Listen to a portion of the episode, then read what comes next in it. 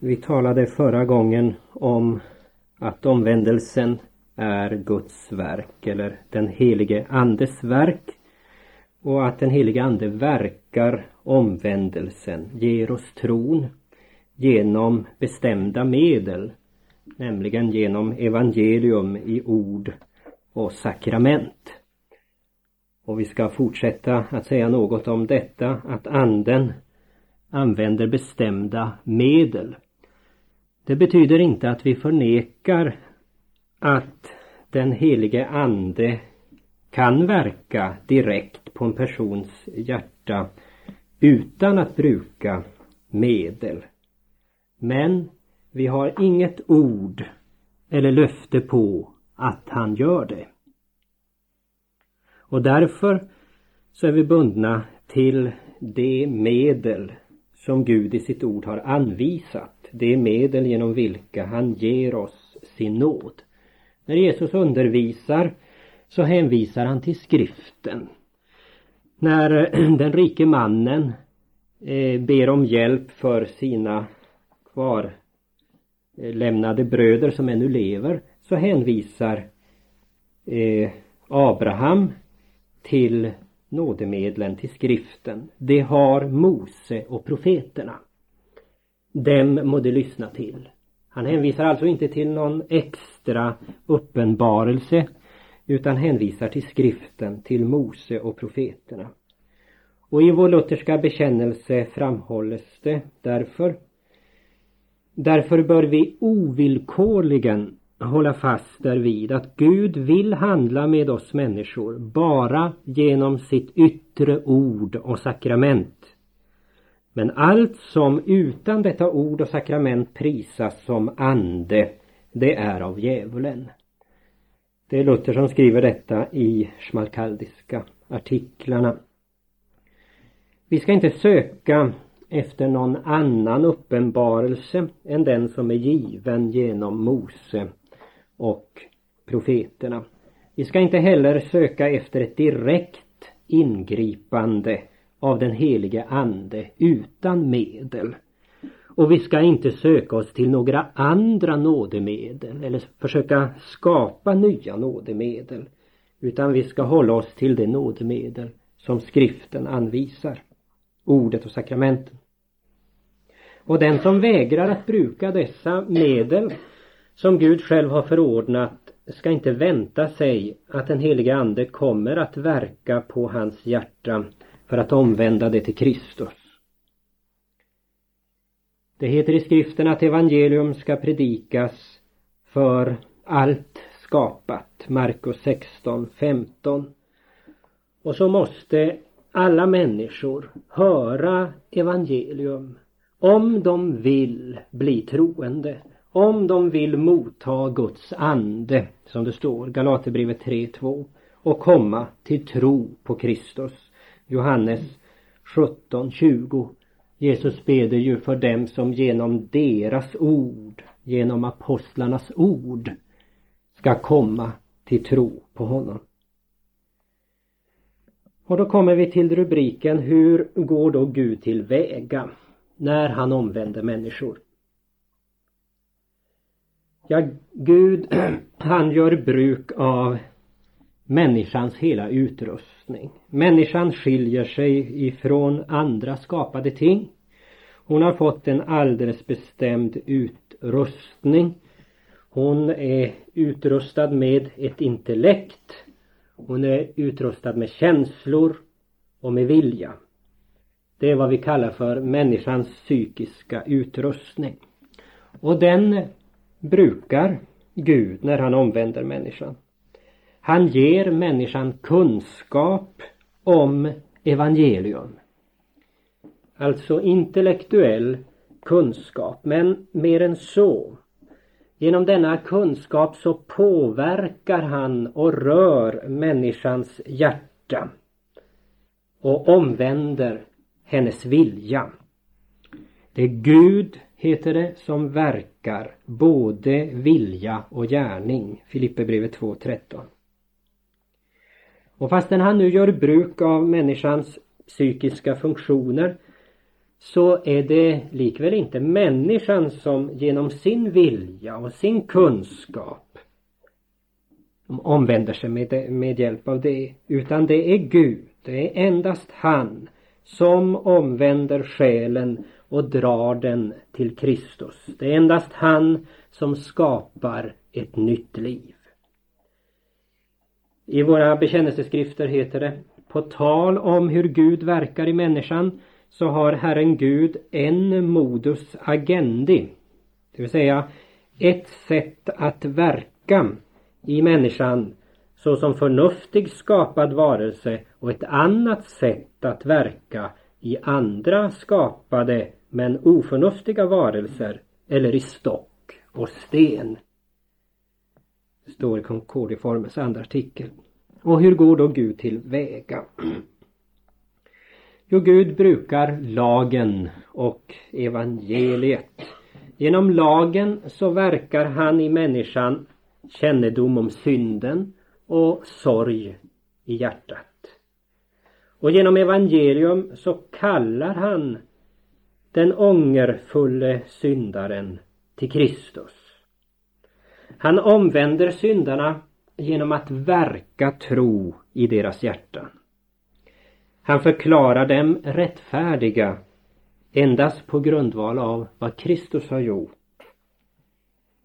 De förklaras rättfärdiga genom att ta emot det som överlämnas åt dem som en gåva, syndernas förlåtelse.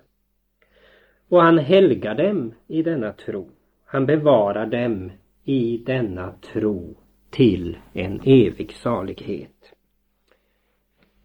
Och dessa punkter om hur Gud verkar ska vi då närmare gå in på i det följande. Först ska vi då stryka under att omvändelsen den äger rum i hjärtat, i människans hjärta. Omvändelsen sker i hjärtat. Den kan komma till uttryck i en persons yttre liv.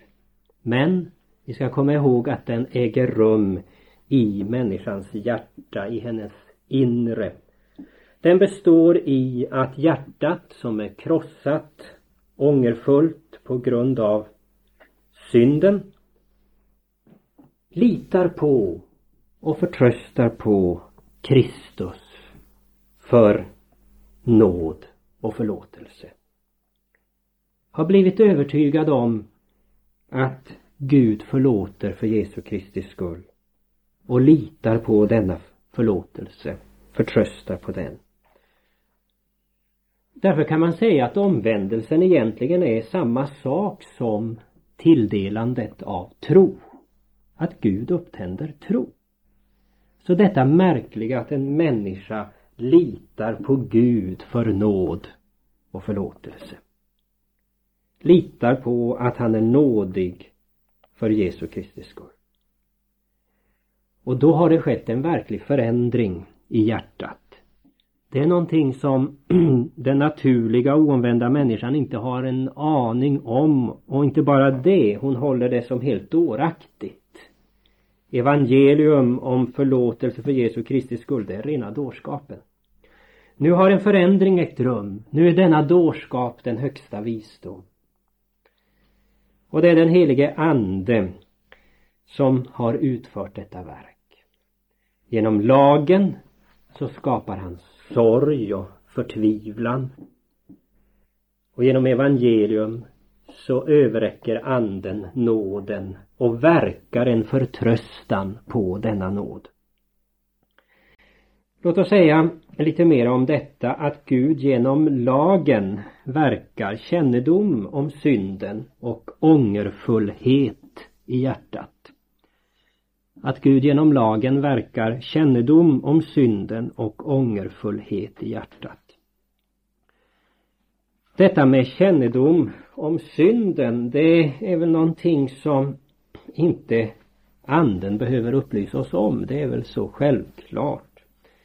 Ja, lagen möter oss ju inte bara i bibeln utan den möter oss så som skapade varelser också i denna värld genom den naturliga uppenbarelsen.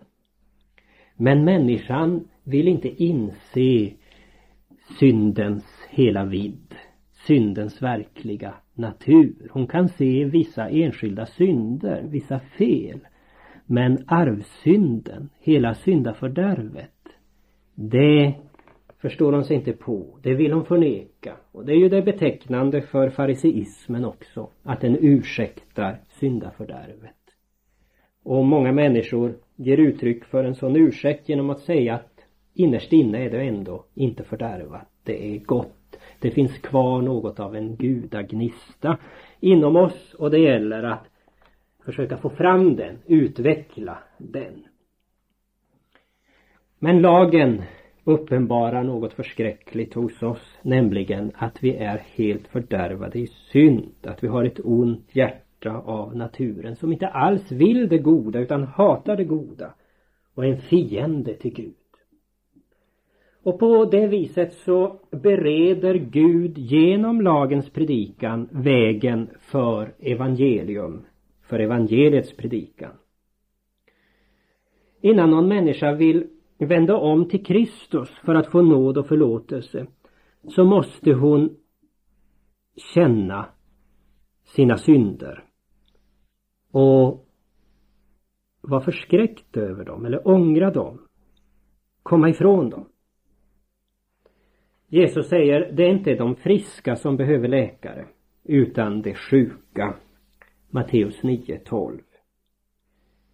Och för att övertyga människan om att hon är dödssjuk andligt sett, dödssjuk på grund av sina synder, så brukar den helige Ande lagen. Och den visar människan hennes synder. Och därmed Guds vrede och dom eller förbannelse på grund av synden. Någonting som människan har förtjänat för syndens skull. Galaterbrevet 3.10. Och överallt där predikan av Guds lag når sitt syfte, leder till resultat, så blir människor i sina samveten överbevisade om sina synder, inser sitt förlorade tillstånd, blir rörda till sorg och, sorg och ångerfullhet. Men de kommer inte till tro. De får ingen kraft av lagen att komma ifrån detta elände. Nej, lagen lämnar dem räddningslöst förlorade och i förtvivlan. En sån kännedom om synden, en sån känsla av Guds vrede och en sån förtvivlan om all självhjälp. Ja, det är nödvändiga förutsättningar för omvändelsen. En människa som tror att hon ändå på något vis kan med egen kraft rädda sig behöver inte Kristus. Ingen människa vill ha syndernas förlåtelse om hon inte vet att hon är en syndare. Eller inte har sorg över de fel hon har gjort.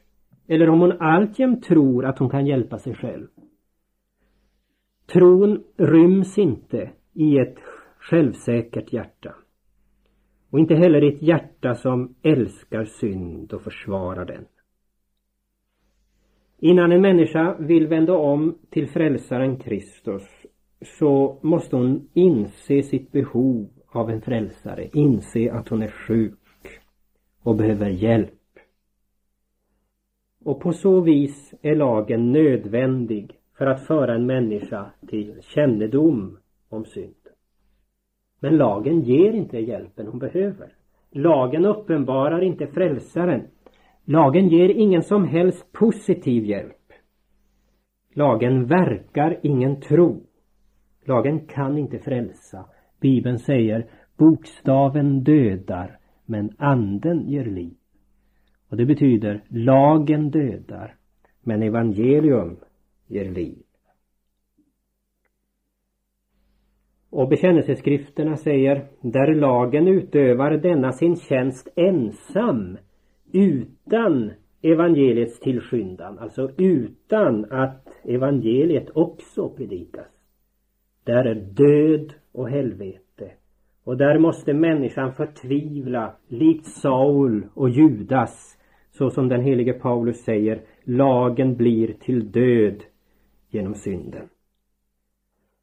Det är ur Schmalkaldiska artiklarna av Luther. Det var något om hur Gud verkar genom lagen. Då ska vi gå vidare och säga det är genom evangelium som den helige ande kallar människor. Det är genom evangelium som den helige ande kallar människor.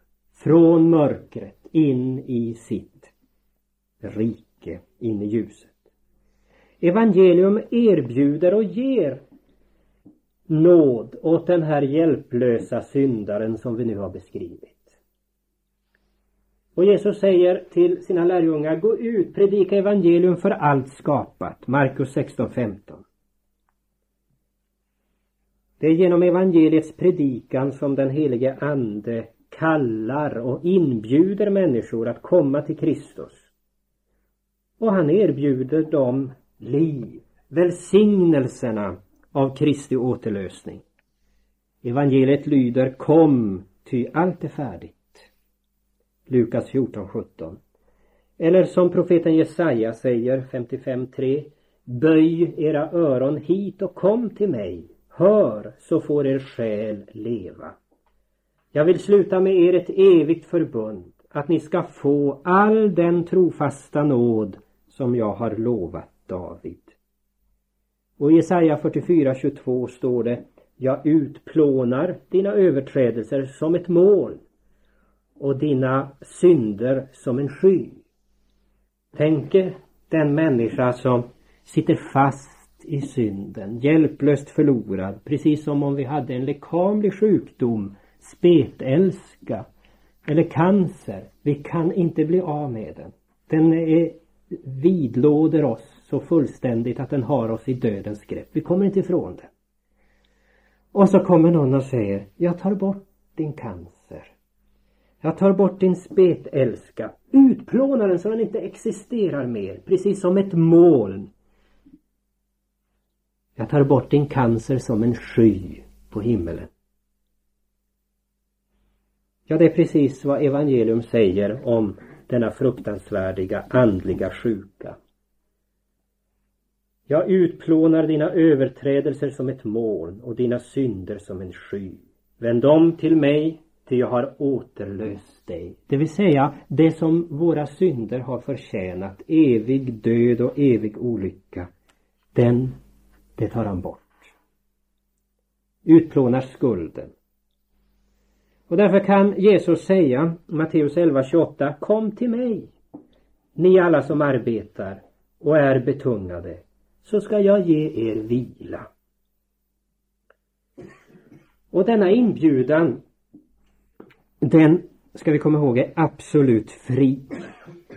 Den är inte bara nästan fri, subventionerad så att man får den rätt billigt. Utan den är helt fri. Den pålägger inte några nya villkor och nya förpliktelser som måste uppfyllas innan man får ta emot den. Så att det är liksom ett specialerbjudande som vi möts av ibland, som räcks fram åt oss det här kan du få, det kan bli din. Du kan få detta, men så kommer det något villkor eller någon förpliktelse. Du måste lova att skaffa tre nya medlemmar i bokklubben. Kommer det sen. Då får du den här TVn. Eller något annat som man lockar med. Här är det frågan om en gåva som är absolut fri. Villkoret är inte heller att någonting först måste ske hos dig. Du måste visa upp att du är en ärlig och allvarlig människa. Ingenting krävs först av dig. Utan den fri, helt fri gåva, denna inbjudan. Den erbjuder åt varje syndasjuk själ nåd och förlåtelse, som det står i Jesaja 55, 1, utan penningar och för intet. Den är alltså absolut fri. Den är vidare allmän. Och det är oerhört viktigt om man tror att den här inbjudan den gäller somliga.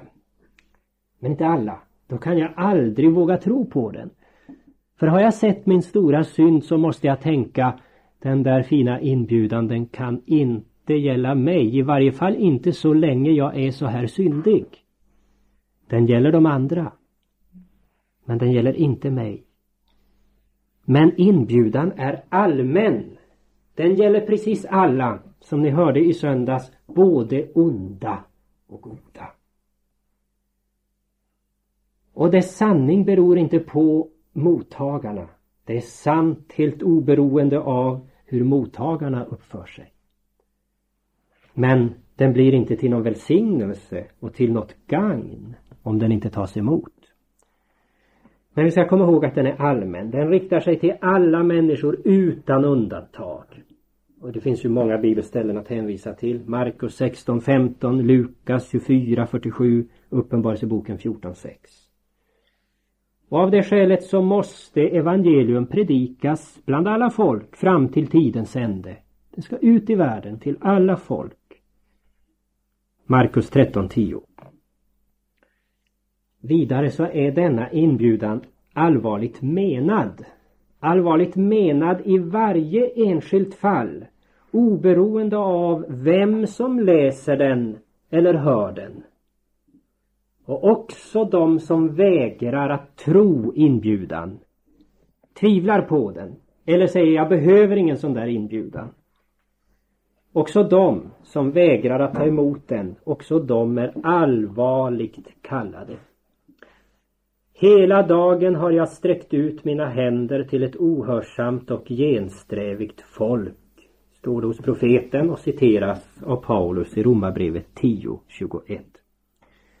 Och Jesus säger, hur ofta har jag inte velat samla dina barn Jerusalem, som hönan samlar sina kycklingar under sina vingar, men ni har inte velat. Matteus 23.37 Gud vill allvarligt att människor ska tro kallelsen. Och vidare, den är alltid verksam. Den har alltid kraft, förmåga att verka tro.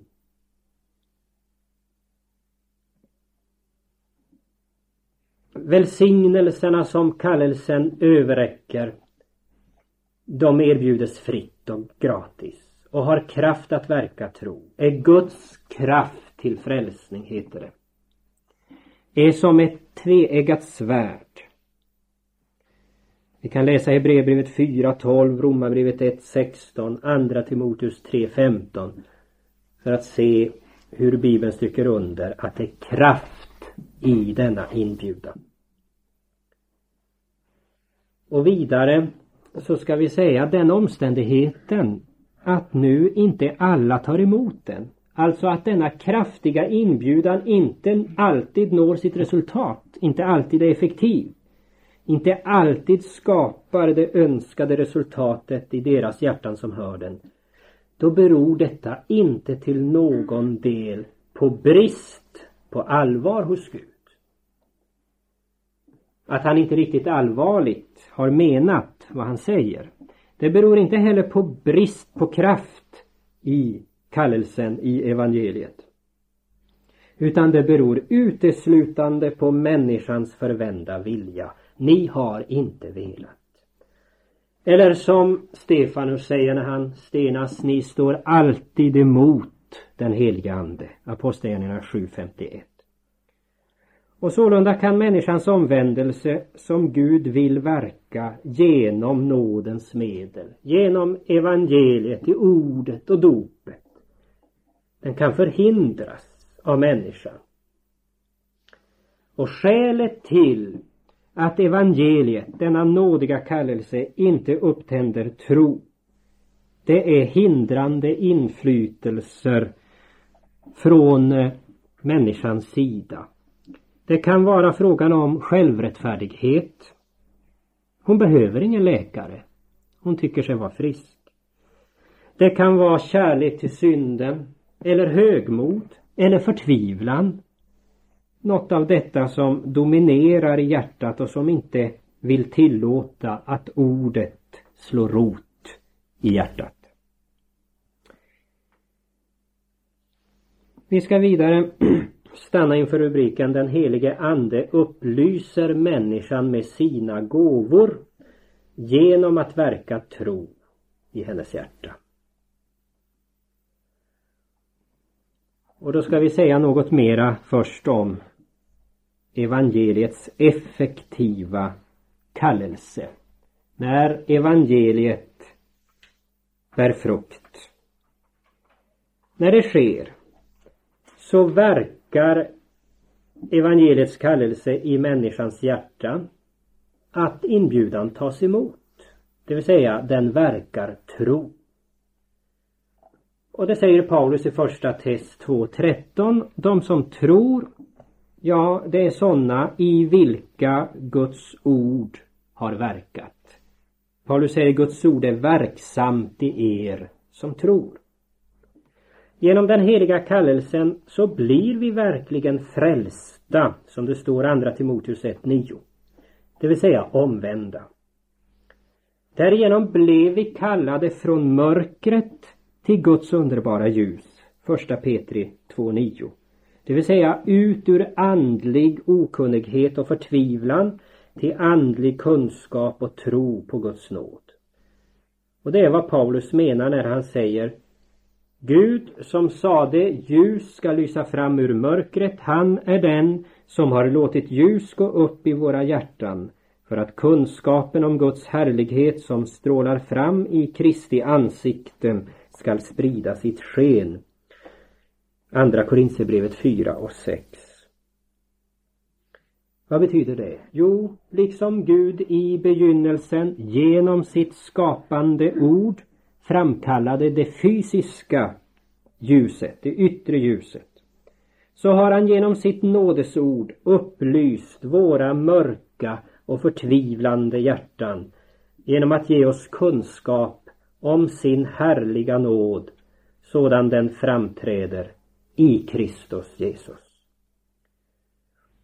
Och lika lite som månen bidrar på något vis till det ljus som solen låter skina på månen. Lika lite bidrar människans hjärta med någonting till det kunskapens ljus med vilket Gud upplyser hjärtat. Trons kunskap, det är en Guds gåva, en gåva från Gud. Det står i Filipperbrevet 1.29 Åt er har givits, eller som det står i kyrkobibeln, förunnats att tro på Kristus. Och denna tro är verkad i oss genom evangelium. Tron kommer av det hörda, av Guds ord. Romarbrevet 10.17. Så ska vi säga något om skillnaden mellan intellektuell och andlig kunskap. Vi måste skilja mellan intellektuell kunskap om andliga ting och andlig kunskap om dessa ting.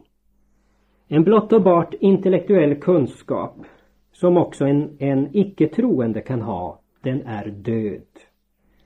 Den blir levande när den påverkar någon personligen, skapar i hjärtat en känsla eller ett eko, ett jakande svar. Kunskap om lagen är död så länge man inte berörs därav. Men den kunskapen blir levande när den skapar fruktan och sorg i hjärtat. Och på samma sätt är kunskap om evangelium och dess styrbara löften död så länge den inte berör hjärtat. Men den blir levande när den skapar i hjärtat en längtan efter de utlovade gåvorna. En tillit till och en förtröstan på Guds löften. Och därför är andlig kunskap inte bara en kunskap i huvudet, en sinnets kunskap. Utan den innefattar den verkan som denna kunskap har fått på hjärtat. Intellektuell kunskap om evangelium, det är förvisso en förutsättning för tro. Man måste ha en sån kunskap. Om man inte vet någonting så vet man ju inte om vad man kan lita på, förtrösta på. Hur skall de kunna tro på den som de inte har hört, står det, Romarbrevet 10.14. Men vi ska komma ihåg att en sån kunskap är endast ett medel genom vilket den helige Ande verkar på hjärtat och vill röra det, böja det till Herrens vittnesbörd som det står i Psaltaren 119, 36. Och det är endast när sinnets kunskap registreras i hjärtat och där skapar ett jakande svar, en längtan efter, en tillit till, en förtröstan på den utlovade nåden som omvändelsen har kommit till stånd. Nu vet ni ju att det finns grupper som vill förmedla, vad ska vi säga, hjärtats rörelse och kunskap helt oberoende av huvudet liksom gå direkt in i hjärtat. Och då behöver man ju inte undervisa rent och klart i Guds ord. Det är ju inte nödvändigt då längre. Utan då kan det ju räcka med en hammonorgel och lite stämning och lite sus och brus. Så kan man få fram den här rörelsen i hjärtat. Men vi ska komma ihåg att en rätt omvändelse den går alltid först genom huvudet och sedan i hjärtat. Det kan hända att det stannar i huvudet. Och då blir människan inte omvänd. Hon kan bli ganska kunnig i Guds ord. Men om denna kunskap inte berör hennes inre, hennes hjärta, så, så blir det en död tro. Men när man då vill värja sig för den döda tron så får man alltså akta sig för att mena att då struntar vi i kunskap, bibelkunskap. Nej, som vi nyss sa, det är det nödvändiga medlet. Det är via den kunskapen i sinnet, i huvudet, som hjärtat påverkas. Det går inte att gå direkt in i hjärtat. Så ska vi säga något om att andlig kunskap är detsamma som att tro. Andlig kunskap om evangelium och tro i kristen mening, det är samma sak. Och det är frågan om tro även om denna andliga kunskap om evangelium är svag eller liten. Hur svag eller liten den än är så är den ingenting mindre än frälsande tro genom vilken hjärtat vänder sig till den Guds nåd som erbjudes evangelium.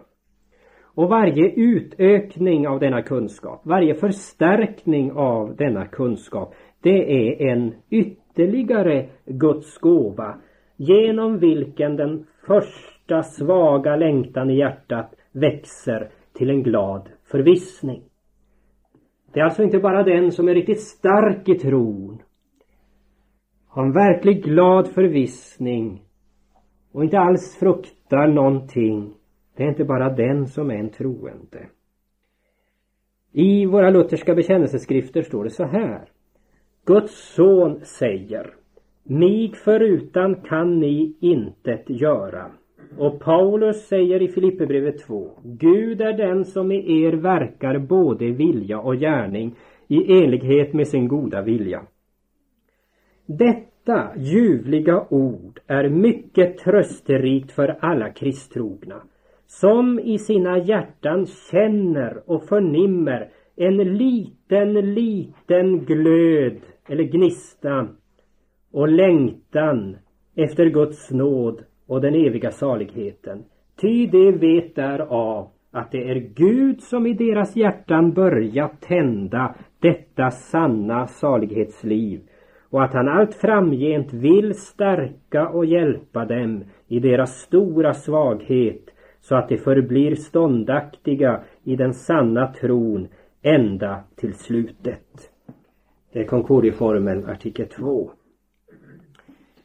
Alltså, varje liten längtan efter nåd kan icke verkas av människan själv. Utan då är det ett verk av Gud. Det här stället eh, felöversätts ganska grovt i Svenska kyrkans bekännelseskrifter. Det står på sidan 561. Och jag ska påpeka det, det ställe för man hoppar verkligen till när man läser det i denna översättning. Där står det så här. Detta ljuvliga ord är mycket trösterikt för alla kristtrogna som i sina hjärtan känner och förnimmer något litet av evighetsgnistan.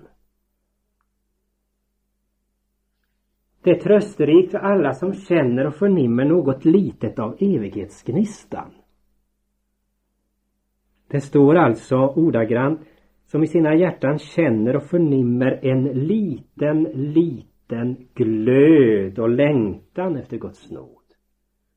Alltså något helt annat än att upptäcka att jag har någonting, en evighetsgnista kvar här som inte har blivit skadad av syndafallet. Det är en kuslig felöversättning och miss missförstånd. Vad det är frågan om, det som är en tröst för den kristne är alltså att när han märker att det finns här en liten, liten, det står det Ein kleines Fünklein står det i tyska grundtexten. En liten, liten glöd och längtan efter Guds nåd och den eviga saligheten. Då kan jag veta därav att det är Gud som i mitt hjärta har börjat tända detta sanna salighetsliv och att han allt framgent vill stärka och hjälpa mig i min stora svaghet så att jag förblir ståndaktig i den sanna tron ända till slutet. I det ögonblick nämligen då denna lilla glöd och längtan efter Guds nåd och den eviga saligheten rör hjärtat då har den naturliga människans hållning mot Gud radikalt förändrats. Människan har blivit omvänd. Evangeliets löften är inte längre dårskap för henne utan dyrbar visdom. Men än så är hon svag och skälvande. Hjärtat är inte längre apatiskt, dött, utan det har rörts och väckts till liv. Efesierbrevet 2, 5, 6. Människan är inte längre en fiende till Gud utan har nu återvänt till sin själs herde. 1 Petri 2.25. Och därför har vi ingen rätt att begära en viss grad av ånger och tro innan en person får betrakta sig som omvänd och ett Guds barn. Men det är nödvändigt att hans bättring och tro eller sinnesändring och tro är äkta. Den som kommer till mig, honom ska jag sannerligen inte kasta ut. Johannes 6, 37. Vidare ska vi komma ihåg att omvändelsen är inte en utdragen process utan en ögonblicklig förändring. I dagar och veckor kan en person känna i sitt hjärta djup ånger och sorg över synden. Men det betyder inte att han är åtminstone till en del omvänd. Omvändelsen äger rum i just det ögonblick då den första längtan efter nåd rör hjärtat. Vid första gnistan av en förtröstan på frälsaren har omvändelsen kommit till stånd. Och det finns inget mellantillstånd. Ett mellantillstånd mellan att vara omvänd och inte vara omvänd. Mellan andligt liv och andlig död. En person är antingen det ena eller det andra. Antingen förtröstar han på Kristus eller så gör han det inte. Den som inte är med mig, säger Jesus, är emot mig. Lukas 11, 23. Förändringen från död till liv, från förtvivlan till hopp, den är alltid ögonblicklig. Och vi hinner också säga något om upprepad omvändelse. Eftersom omvändelse till sitt väsen är detsamma som tilldelandet av tro så är det helt uppenbart att en person är och förblir omvänd så länge han har tron. Var och en som tror att Jesus är Kristus, han är född av Gud, heter det, första Johannes 5.1. Det är möjligt att förlora denna tro. Vi läser i till exempel Lukas 8.13 om dem som tror allenast till en tid.